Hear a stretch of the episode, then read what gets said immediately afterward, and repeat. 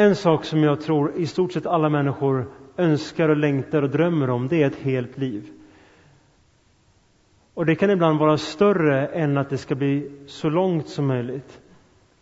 Att här och nu så lever jag. Jesus sa, Gud är inte en Gud för de döda utan för de levande. Ett av Guds namn som Jesus använder om sig själv är att jag är. Alltså han är här och nu.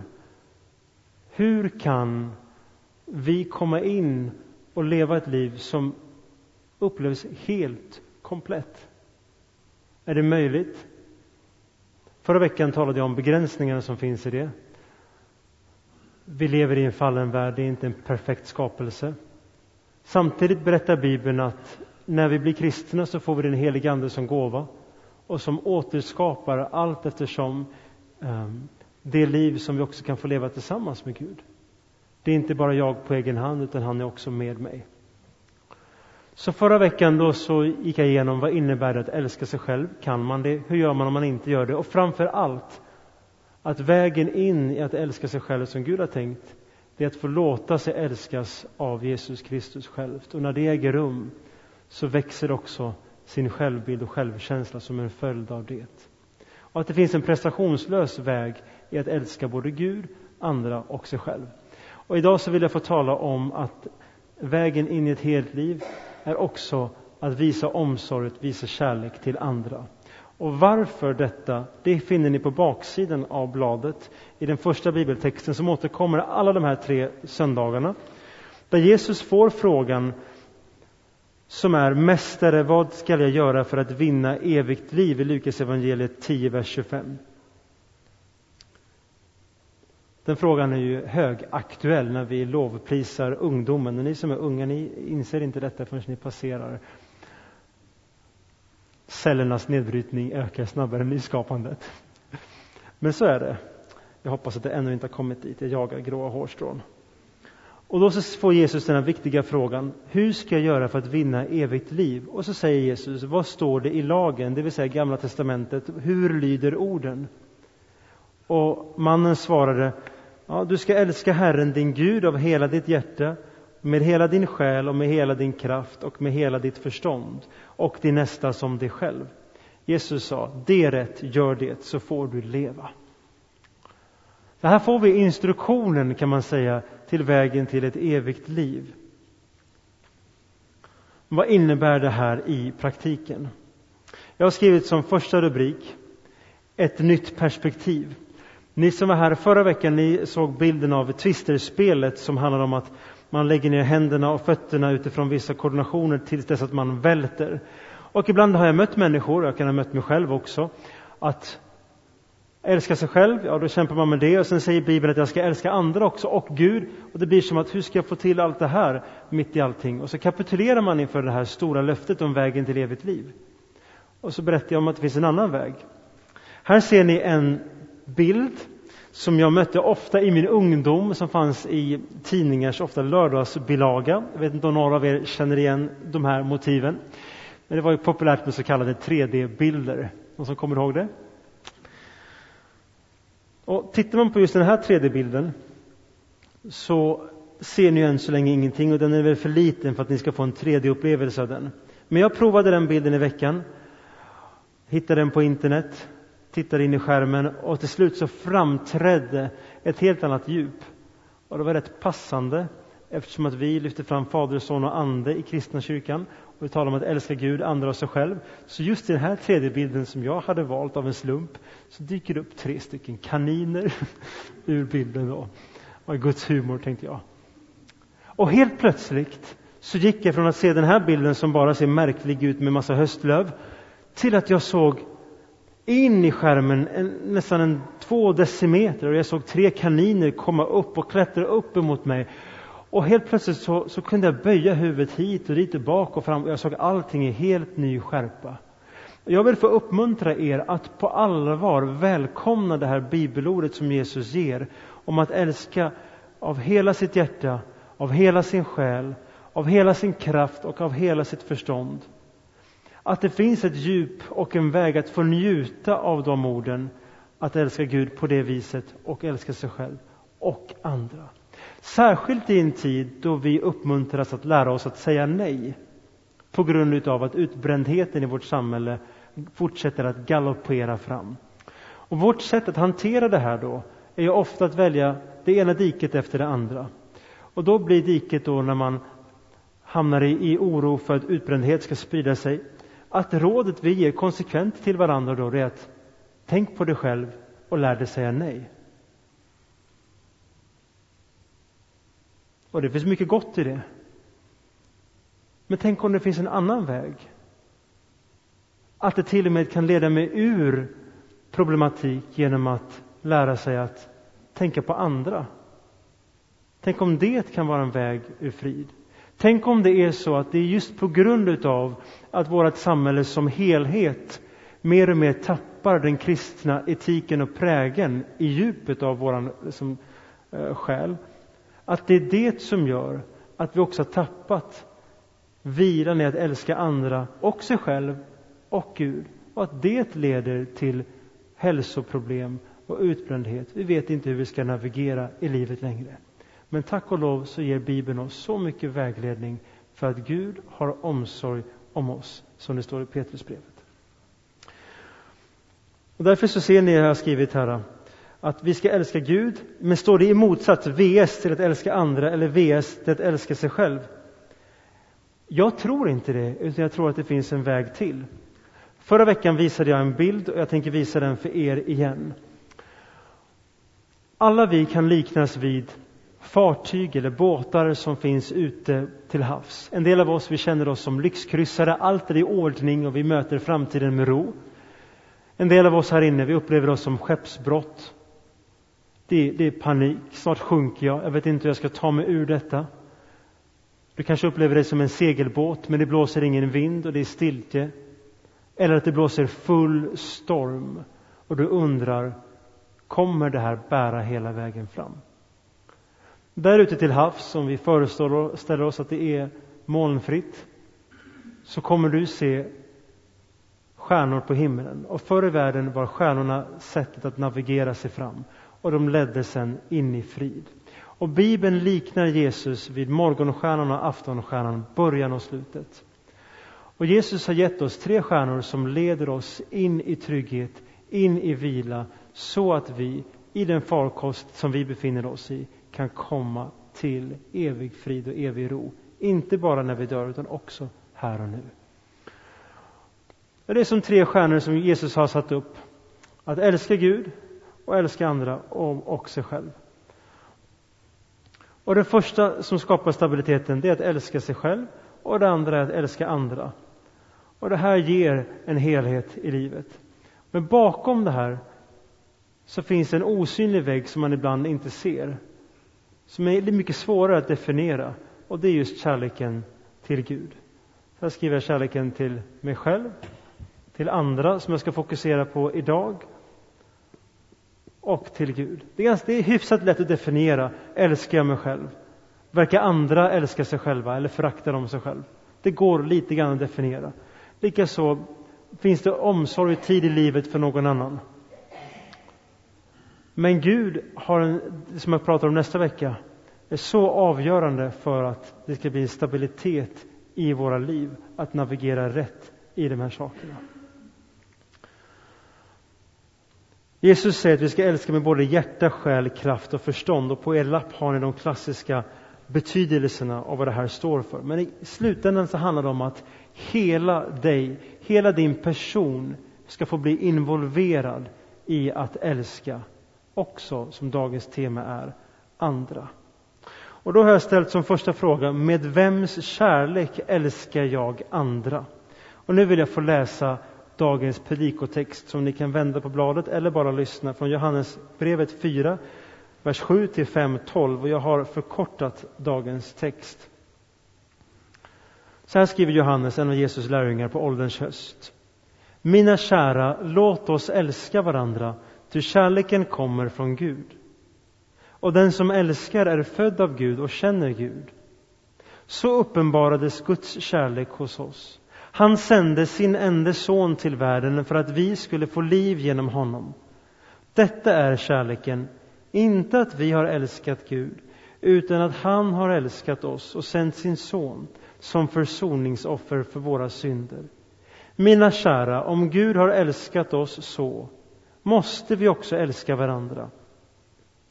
Ingen har någonsin sett Gud, men om vi älskar varandra är Gud alltid i oss och hans kärlek har nått sin fullhet i oss.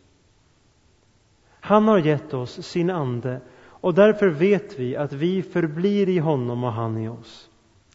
Vi älskar därför att han först älskade oss och detta är det bud som han har gett oss att den som älskar Gud också skall älska sin broder. Detta är kärleken till Gud, att vi håller hans bud. Hans bud är inte tunga, eftersom alla som är födda av Gud besegrar världen. Och detta är den seger som har besegrat världen, vår tro.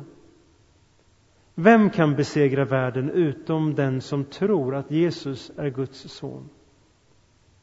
Och anden är den som vittnar, ty anden är sanningen.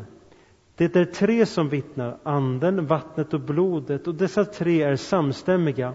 Detta är Guds vittnesbörd, att han har vittnat om sin son. Och detta är vittnesbördet, Gud har gett oss evigt liv, och det livet finns i hans son. Den som har hans son har livet, den som inte har Guds son har inte livet. Det här är en text som är fullmatad av kärlek. Jag kan inte annat än att varmt rekommendera dig att i lugn och ro hemma läsa den här texten i sitt fulla sammanhang. Men med vems kärlek älskar jag andra? Och här skriver Johannes denna viktiga mening som ni har framför er, att hans, det vill säga Jesu bud, är inte tunga, eftersom alla som är födda av Gud besegrar världen. Hade ni haft pennor hade jag bett er understryka, klippa ur, sätta upp på väggen hemma. Hans bud är inte tunga. Ibland är det så att vi kan få en uppfattning av att när någonting är som ett bud som vi tycker är svårt och vi definierar det som tungt så lägger vi undan det och så säger vi men jag satsar på det andra. Men tänk om det är så att hela Guds ord är ett glatt budskap till dig om vägledning, uppmuntran, tröst, helande. När jag fick upp ögonen för att allt i Bibeln är skrivet för uppbyggelsen för oss människor så välkomnar jag allting som står här. Alla bud, likaså fullt ut budet att älska varandra. Men jag kan inte bara välja ut det, utan jag måste se allting i sitt sammanhang. Och här säger han, hans bud är inte tunga. Varför då? Eftersom alla som är födda av Gud besegrar världen. Här är en av de viktiga sakerna som hör ihop med kristen etik. Därför att den kristna etiken friklipps klipps ibland ur frälsningen, räddningen, när man får den helige Ande som gåva. Och så säger man, jag tycker den kristna etiken är god. Och då blir exempelvis bud som att älska andra människor, alla andra människor, med hela sitt hjärta, förstånd och själ, en omöjlighet, fullständigt omöjligt. Och när man då misslyckas med det, då har man ju då misslyckats med att göra det som Gud har tänkt, det som är gott. Och det kan leda till en negativ självkänsla, självbild, eller att man helt enkelt bara struntar i det. Här står det tydligt att budet att kunna älska andra som Gud har tänkt har en grundförutsättning. Och det är det att jag själv har tagit emot och accepterat Jesu kärlek på korset till mig. Varför då? Därför att kärleken som vi har till andra, den kommer djupast ifrån Gud. Om jag ska gå och vattna blommor i min trädgård så måste vattenkannan fyllas på. Påfyllnaden, säger Jesus, han säger jag är livets vatten. Den som kommer till mig ska aldrig någonsin törsta. Och risken som alla kristna också har, också jag, det är att vi i glädje låter oss bli uppfyllda av Guds kärlek. Och i all glädje över den kärlek vi upplevt tar kannan och springer iväg och, och så att säga vattnar, gör gott, ser saker och ting växa upp. Guds rike växer. Och att vi av goda intentioner faktiskt glömmer bort att förbli hos Kristus. Som vi pratade om förra veckan. Bli kvar i min kärlek, säger Jesus. Ständigt påfyllnad av livets vatten genom den helige Andes omsorg. Och det är det som leder till det man ibland slarvigt kan kalla för utbrända kristna, som ofta skyller det här på sin lokala kyrka som har bränt ut dem, medan allt ansvar för sin utbränning alltid är sitt eget i alla avseenden. Därför när Jesus leder dig att älska andra människor, då kommer du inte att bli utbränd. Du kan vara trött, det kan kosta på, du kan behöva offra dina drömmar för att någon annan människa ska bli ledd av Gud och du deltar i det. Men du kommer inte bli utbränd. Det är skillnaden. Och därför är den här frågan helt avgörande för dig som vill bry dig om din nästa. Med vems kärlek älskar jag andra? Och då står det i andra Korinthierbrevet, jag har skrivit fel, det står första Korinthierbrevet i er lapp, men det är andra Korinthierbrevet 13, 4. En oerhört viktig vers i det här sammanhanget. För där står det nämligen följande. Lyssna nu mina kära lyssnare.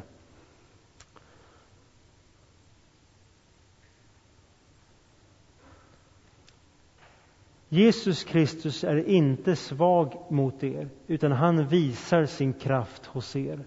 När han blev korsfäst var han svag, men han lever genom Guds kraft.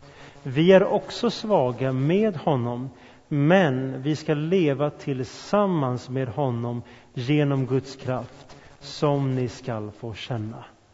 Visst är det ett fantastiskt ord? Vi ska få leva tillsammans med honom genom Guds kraft. De flesta ber Gud hjälp mig. Det betyder oftast jag gör allt jag kan och när jag inte kan mer, då hoppas att Gud räddar mig. Blir det inte då räddning som jag vill, då kommer jag kapsejsa, springa in i väggen och då är det Guds fel. Han säger, jag vill från början och slut leva mitt liv i gemenskap med dig. Också när du låter andra människors nöd nå ditt hjärta. Så här står det i Lukas evangeliet 6.35 att Jesus Kristus är själv god mot de otacksamma och onda. Och här sträcks Jesus kärlek ut fullständigt. Och det är här som är den kristna visionen. Och det är det här som är en väg till ett helt liv. Och det är det att när man fullständigt accepterar att Jesus älskar alla människor lika mycket som han älskar dig. Det betyder att han älskar dem du föraktar absolut mest. Det kan vara politiskt, kan vara hur de beter sig, det kan vara synder som du avskyr, Ehm, det värsta du kan komma att tänka på, det kan vara någon som har anklagat din släkt, som har tal, baktalat dig, som har underminerat dig, som har mobbat dig, som har förstört det som du upplever i ditt liv. Till och med dem säger Jesus, jag älskar er. Och när min mormor först undervisade mig om det här, att jag skulle älska en människa som jag absolut inte kunde älska, så sa hon till mig, du behöver inte kunna, men Jesus Kristus kan älska genom dig. Och jag blev så upprörd på henne, för hon rörde vid en öm punkt, min mormor. Men hon ledde mig till helande. För den kvällen så bad jag Jesus Kristus, jag kan inte älska den här personen. Men du älskar uppenbarligen den personen, vilket jag inte tycker om naturligtvis. Men låt din kärlek fylla mig till den här personen. Och märk väl vilken förändring jag gick med om. Så många människor är bundna för vad andra människor har gjort mot dem och säger att det är min rätt att hata och vara bitter. Och det är också rättigheten att hata och vara bitter. Men det finns en annan väg. Det finns en annan väg och den leder till ett helt liv i Kristus. Och därför finns det en bild, och är någon bilintresserad som ser vad det är för bildel?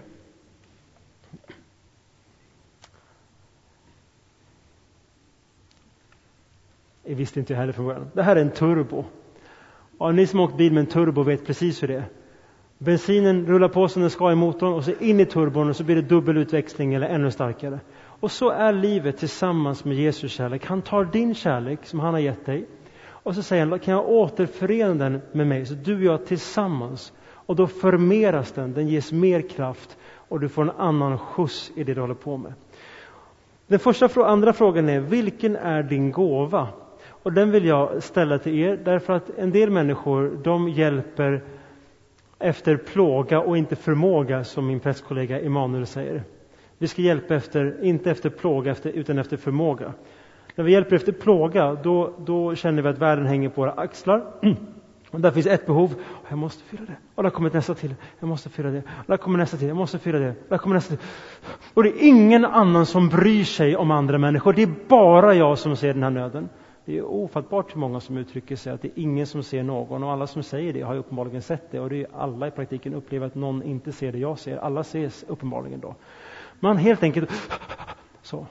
Men att hjälpa efter förmåga, det är att förstå att den helige Ande lever inom mig och att det är sant det som står i Bibeln, att han har skapat oss till en kropp. För att alla ska inte göra allt, utan alla ska få stå i den tjänst han har kallat oss till. Jag hade ett samtal för några veckor sedan med en kvinna som tog sin vän till vår alfakurs. Som har börjat kursen här nu. Jag, jag, jag hinner inte vara med varje tisdag. Nej, men det behöver du inte vara. Det är andra som sköter det. Du har ju fört hit den personen. Och hon gör någonting annat. Vi står tillsammans. Och när man uppfattar glädjen av att vi som gemenskap skapar förutsättningarna för att hans rike ska växa. Då inser man att Sven-Erik som går och ställer i ordning och gör det fint i pausen gör det för att ni ska kunna komma in och ha en ny chans här inne då. Och de som håller på med maten där inne, de gör det för att vi ska kunna få samtala om vad vi har varit med om under veckan. De som musicerar och kommer tidigare gör det för att sprida sin glädje. Och de som tar hand om barnen gör det för att barnen ska få höra om Jesus och så att ni ska få höra om Jesus Kristus.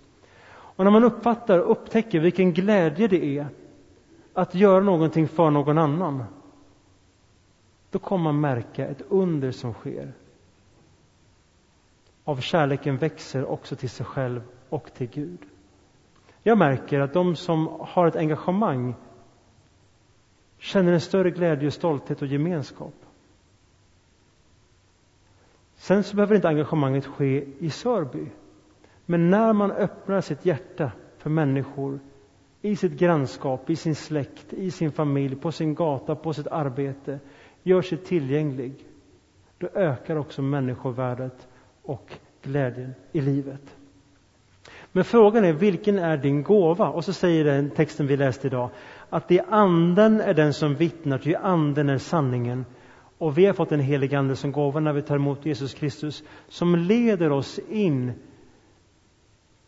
att leva våra liv tillsammans med honom. Så att inte alla gör allt, utan alla gör det som han har tänkt för mig. Vad betyder det här? Det står så här i Markus evangeliet 1.35 när Jesus inleder sin kallelse. Han har helat Petrus svärmor från feber. Det här sprider sig i Kafarnaum. Så det kommer dit människor från hela byn med sina behov och under natten så, och kvällen så hjälper han mängder med människor. Sen går alla och lägger sig. Jesus går upp med tuppen och så står det så här tidigt nästa morgon medan det ännu var mörkt gav han sig av därifrån och gick bort till en enslig plats och där bad han.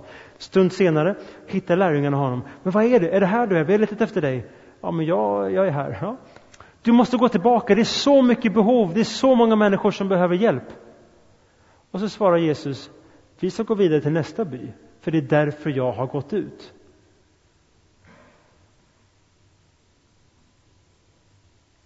Jesus han hjälpte efter förmåga och inte efter plåga. Och din kallelse, den kanske hade varit att stanna kvar i Kafarnaum. Din kallelse kan vara att åka vidare. Din kallelse kan vara att dra sig undan för att det blivit för mycket. För Jesus vill att du ska älska dig själv och i det ligger att också vårda eh, sin ork och sin kraft och förmåga. Förstår ni?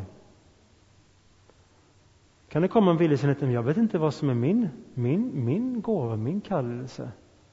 Och vet ni vad? Då har ni en underbar höst framöver, eller ett liv framöver. För då finns det mer för dig att upptäcka om den helige Andes ledning. Och vill du ha tips och hjälp så har vi ju en mängd med saker man kan få delta i här. Vi har skrivit också på ett blad självrannsakan eller självfördömelse. En utmaning när man öppnar upp sitt hjärta för behov i samhället och i världen, det är att man behöver möta självrannsakan. Och gör man inte det så möter man till slut ofta självfördömelse.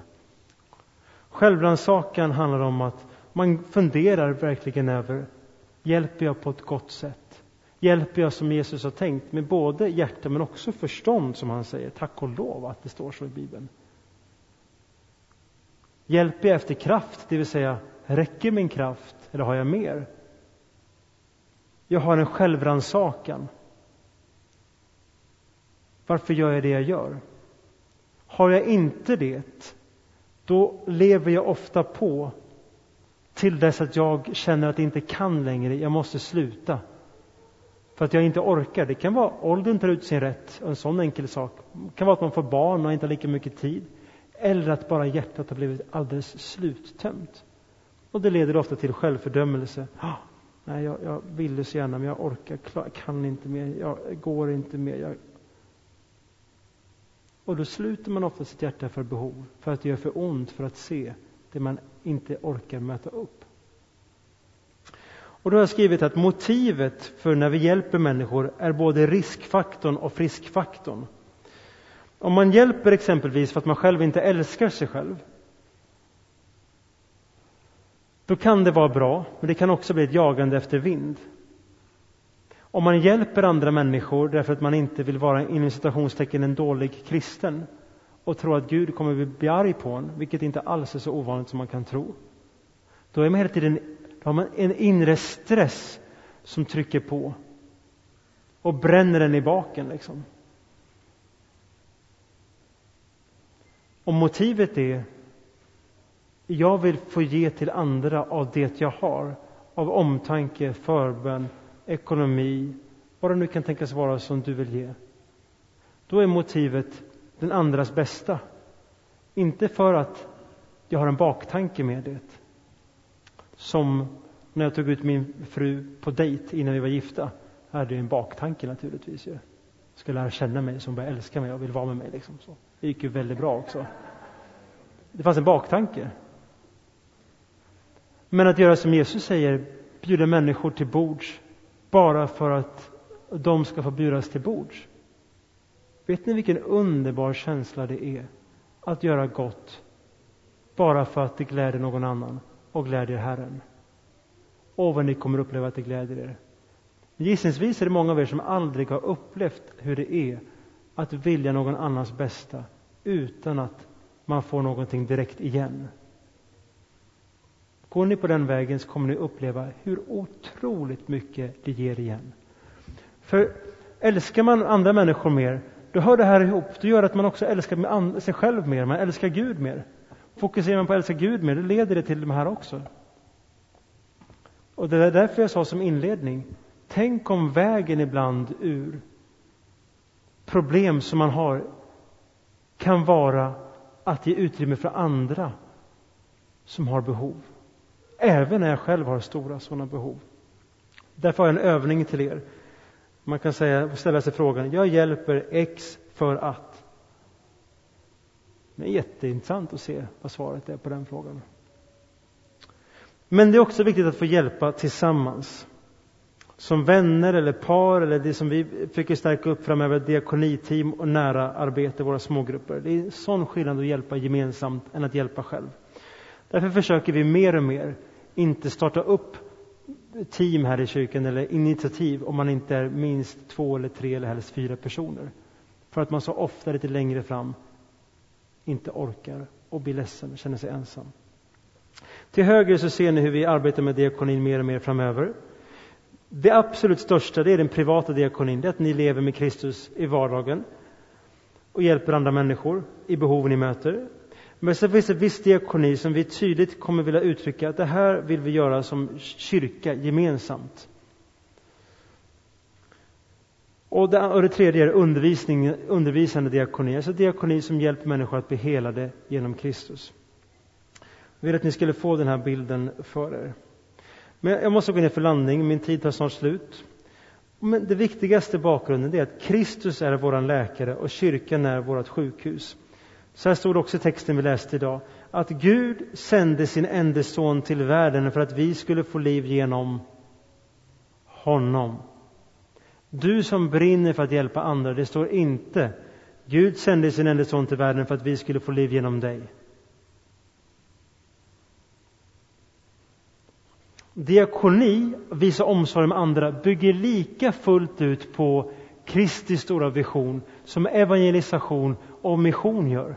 Det vill säga att i allting vi gör arbeta så att människor kan upptäcka Kristus, växa i honom och dela Kristus i sin värld. Och Det betyder att också när vi hjälper någon människa det kan vara att vi delar ut mat, ordnar husrum, kläder, rent basala saker. så vill vi också där leda människor till Jesus Kristus. Varför då? För han är den stora diakonen. I Lukas evangeliet 4 så står det att Gud, säger Jesus, har smort mig för att ge de blinda syn och hela de som har ett brustet hjärta. Han vill göra, åstadkomma det här. Hänger ni med? Ibland säger man, nej men, nej, men vi kan inte bara dela, nu ska vi hjälpa. Om en person gör illa sig, ja, då kan du sätta på plåster. Om någon är med om en större olycka, vad gör du då? Du tar upp telefonen, ringer 112 och ber att en ambulans kommer, och i bästa fall kommer de, och ni åker till sjukhuset och läkarna tar vid. Går du då och känner att ah, jag skulle ha hjälpt mera själv, jag skulle, jag skulle själv ha opererat den här personen, jag skulle nog själv ha fixat benbrottet, jag skulle nog själv ha... Det är absurt, eller hur? Va? Och Jesus säger, jag är din läkare. Och vi behöver komma ihåg att bakom alla behov finns ett större behov, nämligen behovet av frid hos Gud. Varje gång jag har hamnat i negativa Eh, beteenden och inre stress, nästan allt som oftast bygger det på någonting annat som ligger djupare. Att jag kan vara orolig att någon annan inte tycker jag gör ett tillräckligt bra jobb eller duger som jag är eller vad det nu kan tänkas vara. Det vill säga, Kristus, han, när han är min sköld och skydd, då är jag i ro och frid. Och därför behöver vi också ge andra människor den här möjligheten och leda dem till Jesus Kristus. Det är där de får den djupaste och viktigaste hjälpen. Påven Franciscus har sagt så här. Kyrkan, det, det kyrkan behöver mest är förmågan att hela sår och värma de troendes hjärtan. Och jag ser kyrkan som ett fältsjukhus efter ett fältslag. Och där ser ni den här härliga bilden av en kirurg som opererar med Jesus Kristus som håller i hans hand. Jesus, han vill tillsammans med dig, vid din sida, leda dig på att på ett gott sätt visa andra människor omsorg och kärlek. Och då kommer du att få leva än mer i ett helt liv. Och därför vill jag som avslutning säga att kärlek till andra är helande. Och som vi har läst i dagens bibelord, jag avslutar med de orden. Om vi älskar varandra är Gud alltid i oss. Det här tycker jag är ett fantastiskt glatt budskap. Hans bud är inte tunga när han får leda oss i hur vi ska förstå dem. Som förra veckan så vill jag också rekommendera en bok som heter Prestationslös tro som hjälper dig fördjupas fördjupa i de här tankarna. Mycket väl skriven av författaren Sven Reichman och den finns digitalt för nedladdning på uttrycket.se. Du får gärna delta i bönen, göra de orden till dina. Jesus Kristus, tack att vi får leva tillsammans med dig genom Guds kraft. Du är rik på barmhärtighet och älskar mig med så stor kärlek att jag får älska mig själv och andra med din kärlek. Öppna mina ögon så att jag ser dig i mitt liv. Amen.